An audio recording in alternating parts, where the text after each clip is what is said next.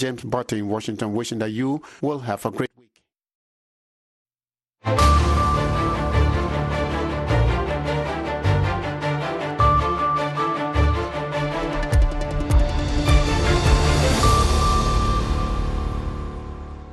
subax wanaagsan dhegeystayaal ku soo dhowaada idaacadda subaxnimo ee laanta afka soomaaliga ee v o a ood kaga imaaneysa washington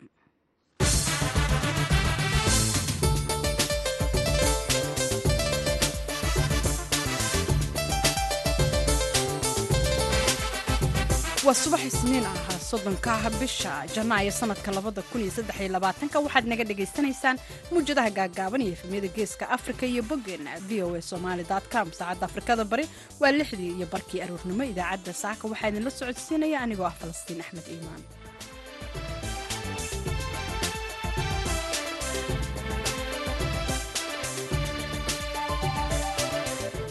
warbixinadaanu saaka idin haynana waxaa ka mida maamulka jubbaland oo isku diyaarinaya dagaal ka al-shabaab. Waxaan u baahannahay gabaska halkan ka baxay inuu bu'aalo tago baar dheer tago baarri tago.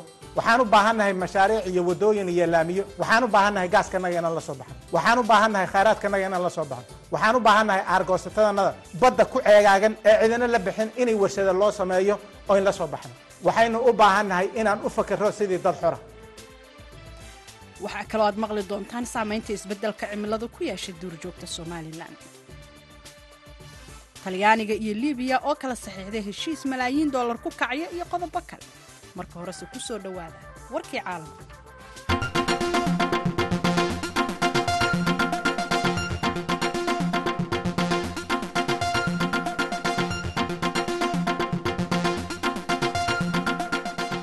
mas'uulkii ugu horreeya ee ka tirsan golaha hogaanka maraykanka ayaa booqday soomaaliya shalay tan iyo sannadkii labadii kun iyo shan iyo tobanka. Waxaanahay caalamka ugu baaqday waddamada deeqaha bixiya in ay siiyaan soomaaliya gargaar deg deg ah si looga gacan siiyo dadka wajahaya macluusha iyadoo ugu yeertay in markaasi intaa la waaye ay guuldarro weyn ku tahay beesha caalamka. Safiirka maraykanka ee qaramada midoobay linda thomas greenfield ayaa dhegaysatay digniintii ugu weyneyd ugana daah furnayd ee ku aadan waxyeelada ay geysan karto macluushan oo la sheegay in dhinaca dhimashada ay ka badan tahay abaartii ugu dheereyd ee soomaaliya soo martay sannadkii labadii kun iyo kow iyo tobanka markaasi oo rubuuc milyuun qof ay macluul u dhinteen. Dunida ayaa la sheegay in hadda ay meelo kale u sii jeesteen xiriiryaha howlaha qaramada midoobey aadan cabdulmowla ayaa u sheegay ambasador thomas greenfield mar ay kulan ku yeesheen magaalada muqdisho in deeqbixiyayaasha ay gacmahooda ka mayrteen soomaaliya una jeesteen ukraine. Safiirka maraykanka ee qaramada midoobey inkastoo iyana aysan magac dhabin deeqbixiyaasha haddana waxay tiri kuwa aynu la hadlayno waa ay isgaranayaan. Maraykanka ayaa gargaarka ah soomaaliya waxa uu bixiyey siddeetan boqolkiiba isagoo markaasi siinaya ku dhowaad hal iyo bar bilyan oo dollar tan iyo bilowgii miisaaniyad sanadeedkiisa labadii kun iyo labaiyo labaatanka. Ambasador linda thomas greenfield ayaa ku dhawaaqday afartan milyan oo dheeri ah oo kaalmo ah oo la siinayo soomaaliya shalay markii ay tagtay magaalada muqdisho. Sarkaal maraykana ayaa sheegay in la rumaysan yahay in israa'il ay ka dambeysa weerar loo adeegsada diyaaradaha aan duuliyaha lahayn oo habeen hore lagu qaaday warshad militari oo ku taala gudaha dalka iiraan iiraan waxay sheegtay inay ka hortagtay weerar loo adeegsaday diyaaradaha aan duuliyaha lahayn oo duqeymo ka geystay meel u dhow magaalada isfahaan ee ku taala bartamaha dalkaasi. Waxayna sheegtay inaanu jirin wax khasaare ah oo ka dhasha weerarkaasi. Ilaa iyo hadda si madax bannaan looma xaqiijin karo inta ay la eg tahay khasaaraha ka dhasha weerarkaasi. Ha yeeshee warbaahinta dowladda iiraan ayaa baahisay muuqaal muujinaya walax iftiimaysa oo cirka ka soo dhacaysa iyo gaadiidka gurmadka deg dega ah oo goobta ku sugan afhayeen u hadle milatariga israa'il ayaa diiday inuu faallo ka bixiyo weerarkan.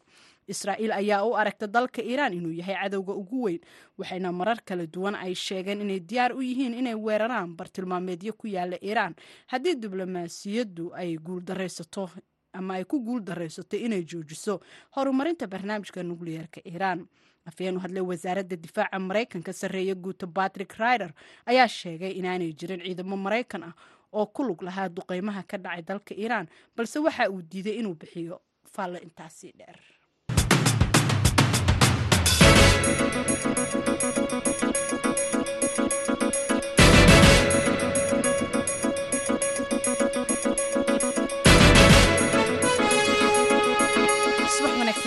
Halkaad nagala socotaana waa v o a washington kulan magaalada kismaayo ay ku yeesheen odayaasha dhaqanka magaalada iyo xubno ka socda guddiga rugta ganacsiga.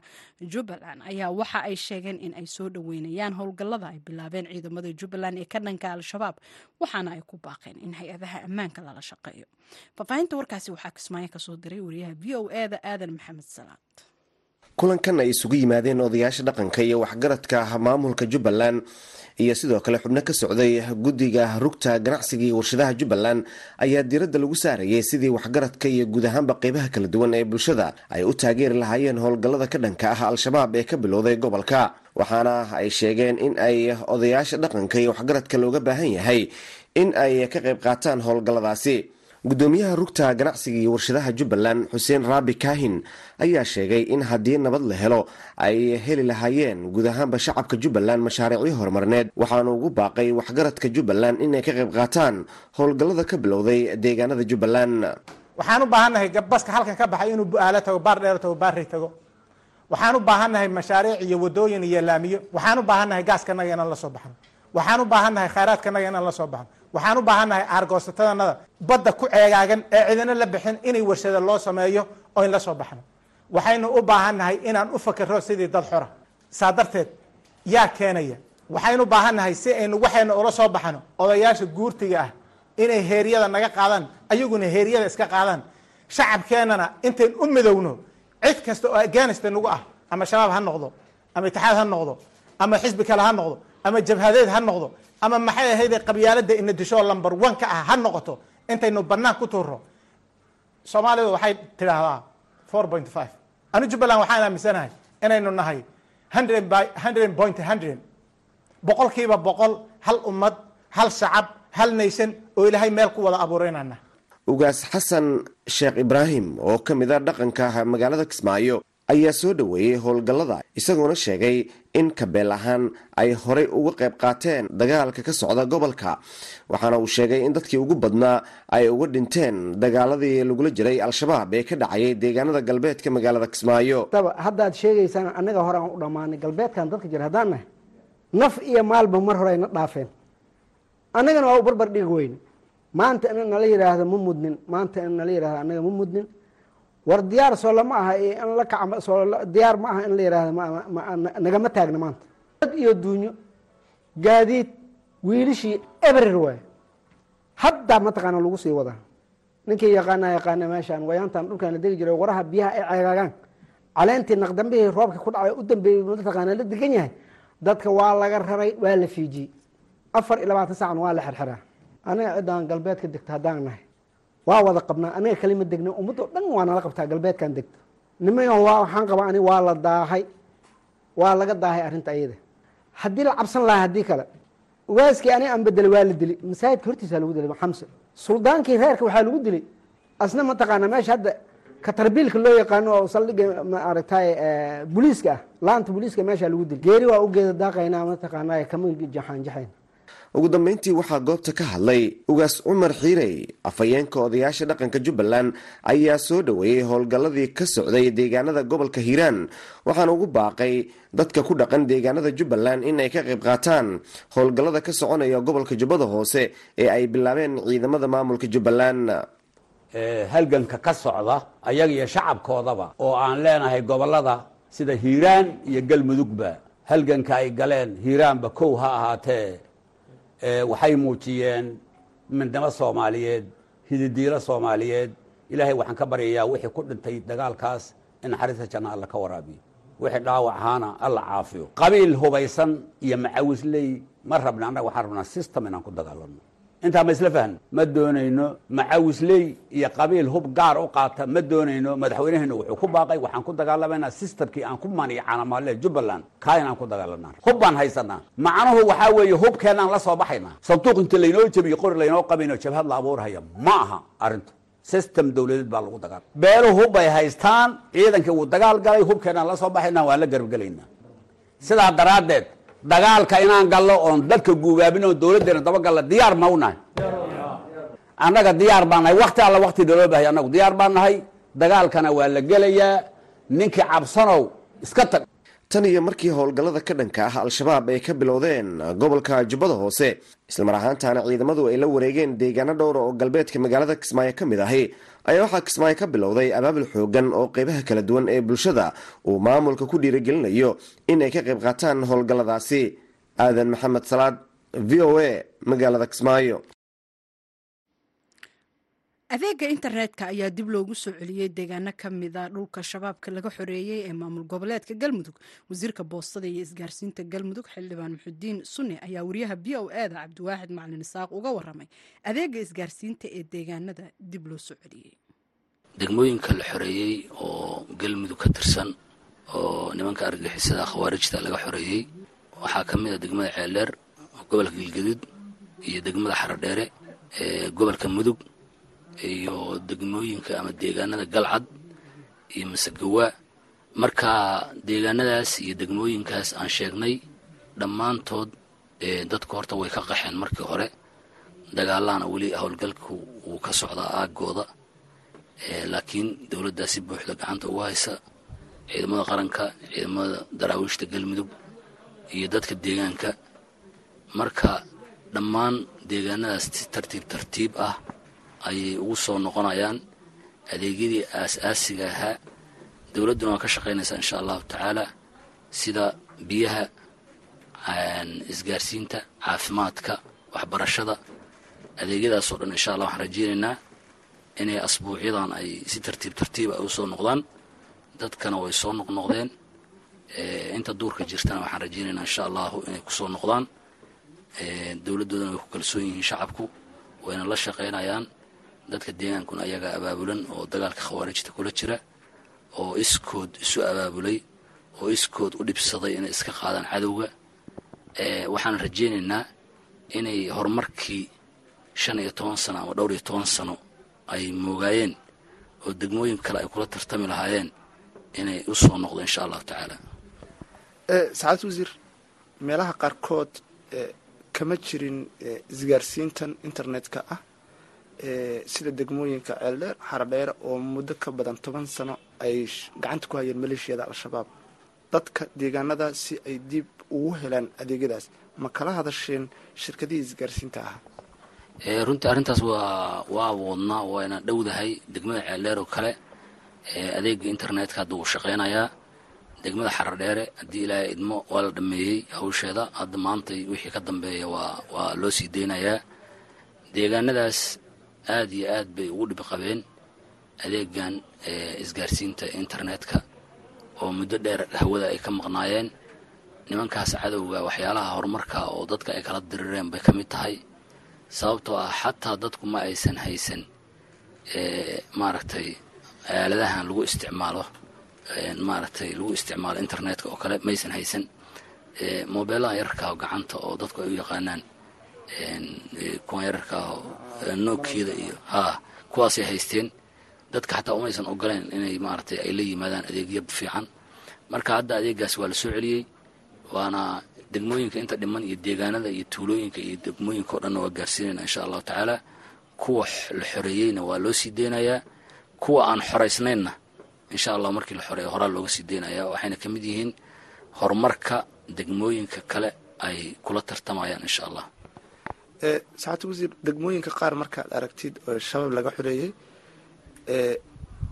ma lahan waxbarashadii adeegyadii caafimaadka kama jiraan sidoo kale isgaarsiintan internetka ah kama jirto.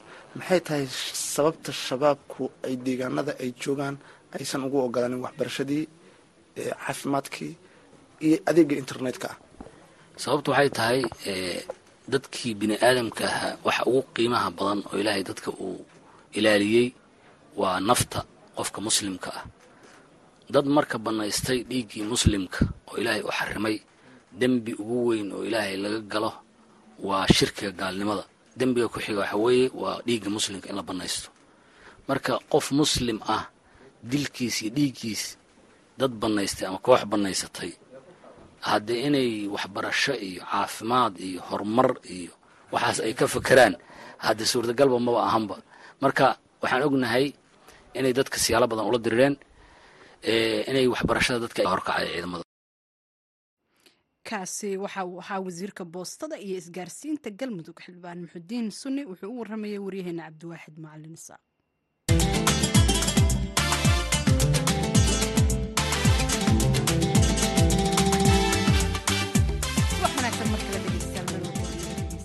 isbeddelka cimilada dunida waxa uu saameyn muuqata ku yeeshay gobollo iyo degmooyin ka mid a somalilan kuwaasi oo la sheegay in kaymo ku yaalla gobolka owdal loo adeegsaday dhuxulaysi xayawaankii duurjoogta ahaana ay ka yaaceen meelihii ay ku noolaayeen. Wariyaha v o eda haashim sheekh cumar good ayaa warbixin arrimahan ku saabsan boorama nooga soo diray isbeddelka cimilada iyo dhuxulaysiga kaymihii ay ku noolaayeen duurjoogta somalilan waxay uga hayaameen deegaanadii ay ku noolaan jireen iyaga oo u hayaamay dhulka kaymaha sare ah ee dalalka deriska lah wasaaradda deegaanka iyo isbeddelka cimilada ee somalilan oo kaashanaysa hay'adaha deegaanka ka shaqeeya ayaa sanadadan dambe waxa ay wadaan sidii deegaanada qaarkood ay u seerayn lahaayeen deegaanada qaar loo aqoonsaday seero ayaa waxaa ku soo noqday duurjoogtii sida uu tilmaamayo iskuduwaha wasaaradda deegaanka iyo isbeddelka cimilada ee gobolka awdal mudane cabdiwahaab xuseen muumin. Ugaadhu waxay ka mid tahay xoolaha qaybina xerada inoogu jirta innagaa dhaqanno waa dabjoog. Qaybina waa duurjoog waar qaybtaa duurjoogtii waxay ka mid tahay hantida qaranku leeyahay waxay ka mid tahay bilicda wadanka waxay ka mid tahay khayraadka dalka waxay ka mid tahay dalxiiska dalka waxay ka mid tahay waa asad uu qaranku leeyahay runtii. Waxaan leenahay markaa hal wasaaradii ma ilaalin karto aynu wada ilaalino dhammaan ka jooga miyiga iyo ka jooga magaaladaba. Iyo runtii waxaan si aada iyo aada ugu mahad celinayaa v o oo runtii haashim cumar good oo lixijeclada u hayay oo xilkaad iska saartaaneed mar walba runtii idinkuna aada nagu lug joogtaan aad nagala warhaysaan waan idinka mahad celinaa v si gaaraan uga mahad celinaynaa. Runtaan taana insha alla waxaan rajaynaynaa isbeddel weyn inaynu dadkii way soo dhaamayaan maamulku dhammaan way la socdaan waa waxoogaa dhallinyaraa laakiin marba marka ka dambaysa dadka wacyigooga kor u kacaya annaguna waxaan leenahay ku dhiirigelinaynaa duurjoogta loo yaqaano harimacadka ayaa isagu ka mid ah ugaadha dib u soo noqotay deegaanka. Dadka xoolo dhaqatada ah ee ku nool gobolka awdal ayaana ka cabanaya in xoolahooda uu soo gaadhsiinayo dhibaatooyin isaga oo ka laynaya cabashadaasi. Waxaa wasaaradda deegaanku ku tilmaantay inay sababtay duurjoogta harimacadka oo dhulkii biyaha ay ka heli jireen waayey kadibna halis ku haya xoolaha sida adhiga iyo ugaadha yaryar ee kale. Sida uu mar kale qeexayo iskuduwaha wasaaradda deegaanka iyo isbeddelka cimilada ee gobolka awdal cabdiwahaab xuseen. Degmada tuulayaro cusub oo la ydhahda geeddareyle oo halan ku taalla oo xuduudda saaran weliba oo degma laqasoosta ka xigta ayaa waxaa dhacday inuu laba adhi ah ka cunay. Runtii sawiradii way la wadaageen waa jiraa uu jooga ilaa buurahan silsilada golis si fiican buu ugu dhaqan yahay ilaa libaaxle ilaa iyo xariirad. Aad buu ugu dhaqan yahay. Runtii dadkii waxay nadhaan de ama nasiiya ama magtii nasiiya way qaar ku odhanayaan. Bulshada qaarna maxay ku odhanayaan? De runtii waxay u arkayaan laba xayawaan runtii dee iyagoo is mararka qaar waxaan idhahda waxaas oo waxaan wada leenahay dee waxa weeyaan laase qori iyo waxa ha u qaadanin waxba ha dilina runtii isaguna uu ka sii daraayaa tiyada labaad waxaa aad iyo aad u fiican inay bulshadii iminka nala fahmayso oo markay aragto ama uu dhibaato ku sameeya wasaaradda la soo xidhiidhaan. Annaguna runtii tuulooyinka wacyigelintaanu maraynay. Dhammaan xidhiidhka iyaga o dhan bay hayaan telefoonadayada dhanka kalena waxaa jira dad iyagu ka ganacsada harimacadka oo ugaadhsi ku haya kuwaasi oo uga digay iskuduwaha wasaaraddaasi deegaanka iyo isbeddelka cimiladu taasoo uu sheegay in tallaabooyin laga qaadi doono cid kasta oo isku dayda inay ugaadhsadaan duurjoogta iyo ugaadha kale ee ku nool guud ahaan somalilan gaar ahaan gobolka awdal. Ahde harimacadka waxaa ka mid yahay nuuc ka mida maxay duurjoogta? Waana nuuca loogu jecel yahay amaba laga ganacsado oo weliba kaawatara waa xuduudaha dhexdeeda ayuu ugu badan yahay waa illegal smaaglinkaasi wuxuu ugu badan yahay labada dowlad deegaanka iyo saad sheegtay gobolkan awdal xuduudiisa aada u dheertahay ilaa ugaadha iyo duurjoogtu waxay ka mid yihiin xayawaanada ku nool dhulka kaymaha. Ah inkasta oo dadka xoolo dhaqatada ee soomaaliyeed ay wakhtiyadii hore u arki jireen qaarkood kuwo halis ku ah xoolahooda. Haashim sheekh cumar good v o a boorama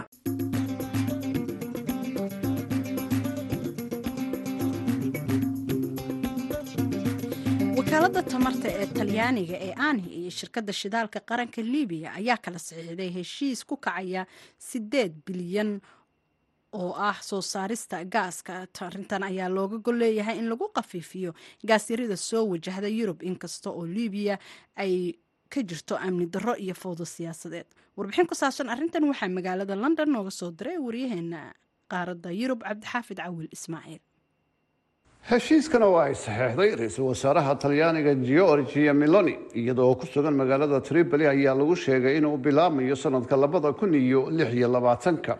Waxaana sidoo kale lagu horumarin doonaa soo saarka tamarta ee dalkaasi iyadoo la filaya in shaqo abuur badan ay ka helaan dadka reer libiya dhinaca kale heshiiskan ayaa xoojin doona in shirkadda tamarta ee talyaaniga ini ay hormood ka noqoto soo saarka tamarta ee libiya sida ay sheegtay madaxa shirkadaasi cloria de shalsi ra'iisul wasaaraha talyaaniga ayaa kulan la qaatay. Ra'iisul wasaare cabdulxamiid al dayba oo ah hogaamiyaha dowladda beesha caalamku aqoonsan tahay labada dhinac ayaana waxa kale oo ay ka wada hadleen muhaajiriinta biyaha mediterraneanka ee libiya soo mara shir jaraa'id oo ay labada dhinac wada qabteen. Ayaa waxa kale oo ay ku sheegeen in heshiiskani socon doono muddo shan iyo labaatan sannadooda.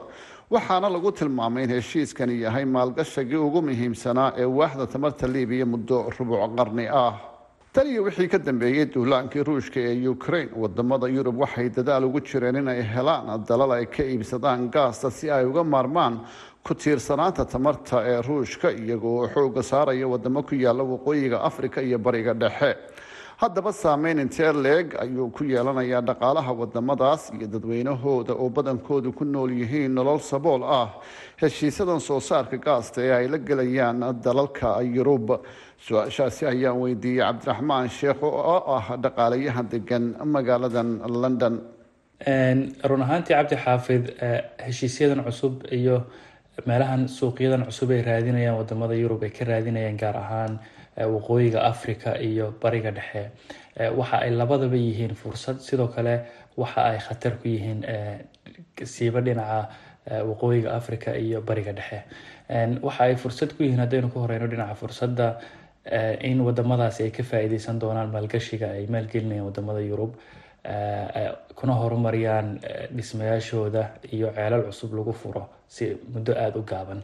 Laakiin waxaa muhiimadu ay tahay khataro waaweyn ayaa laga yaabaa inay waajahaan wadamadaas ay ugu muhiimsan tahay inay la xaajoonayaan shirkado aada u waaweyn iyo wadamo waaweyn iyo institute hay'ado aada u dhisan.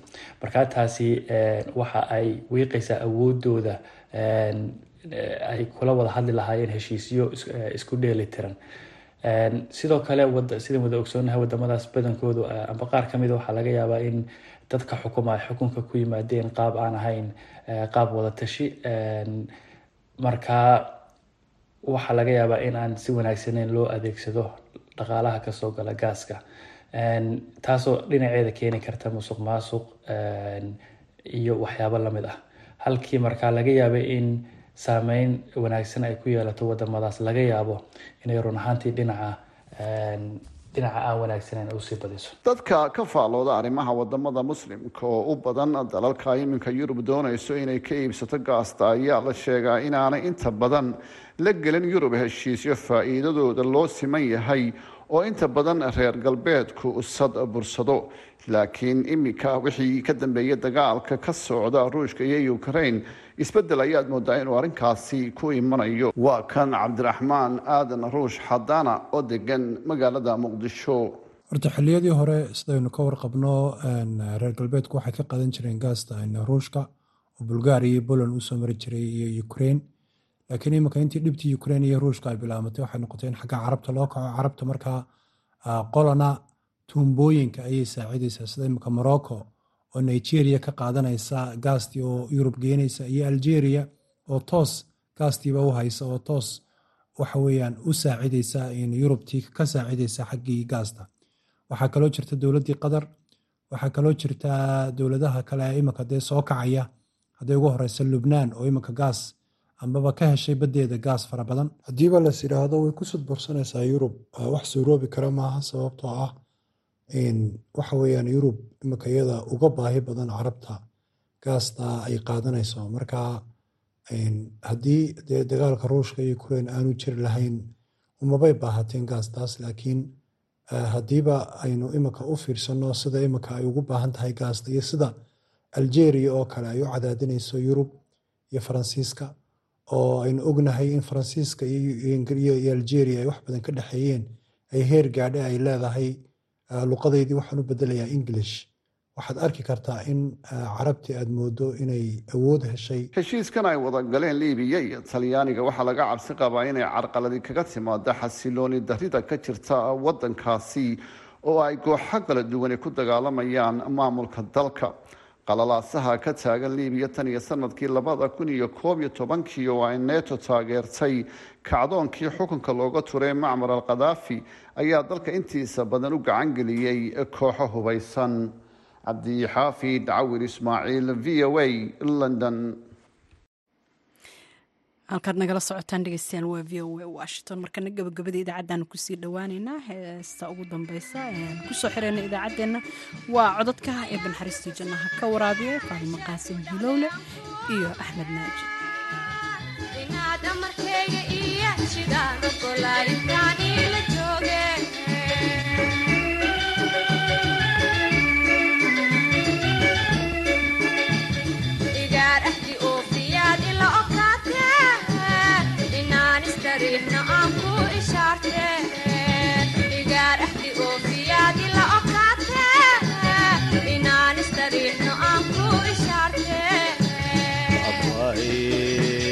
adoonku arka imaanka ordaay.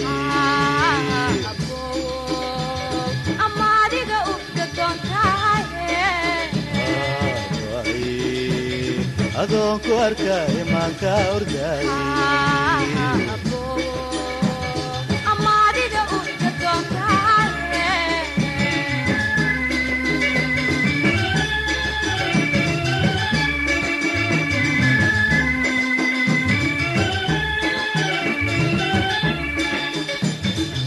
adoon aragdee aheene inaan aqalka imaad maahine.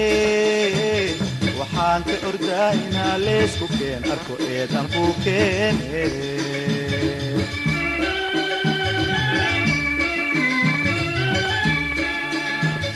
Adoon aragdee aheene inaan aqalka imaad maahine. Waxaan ka ordaa inaa leesku keen arko eedan ku keene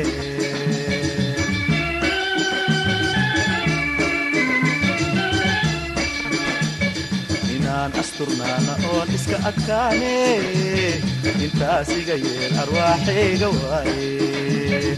Inaan asturnaana oon iska adkaane intaas iga yeel arwaaxayga waaye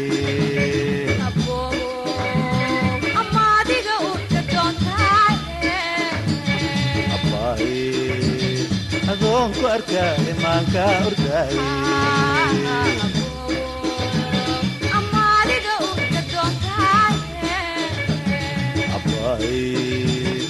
adoonku arka imaanka ordaaye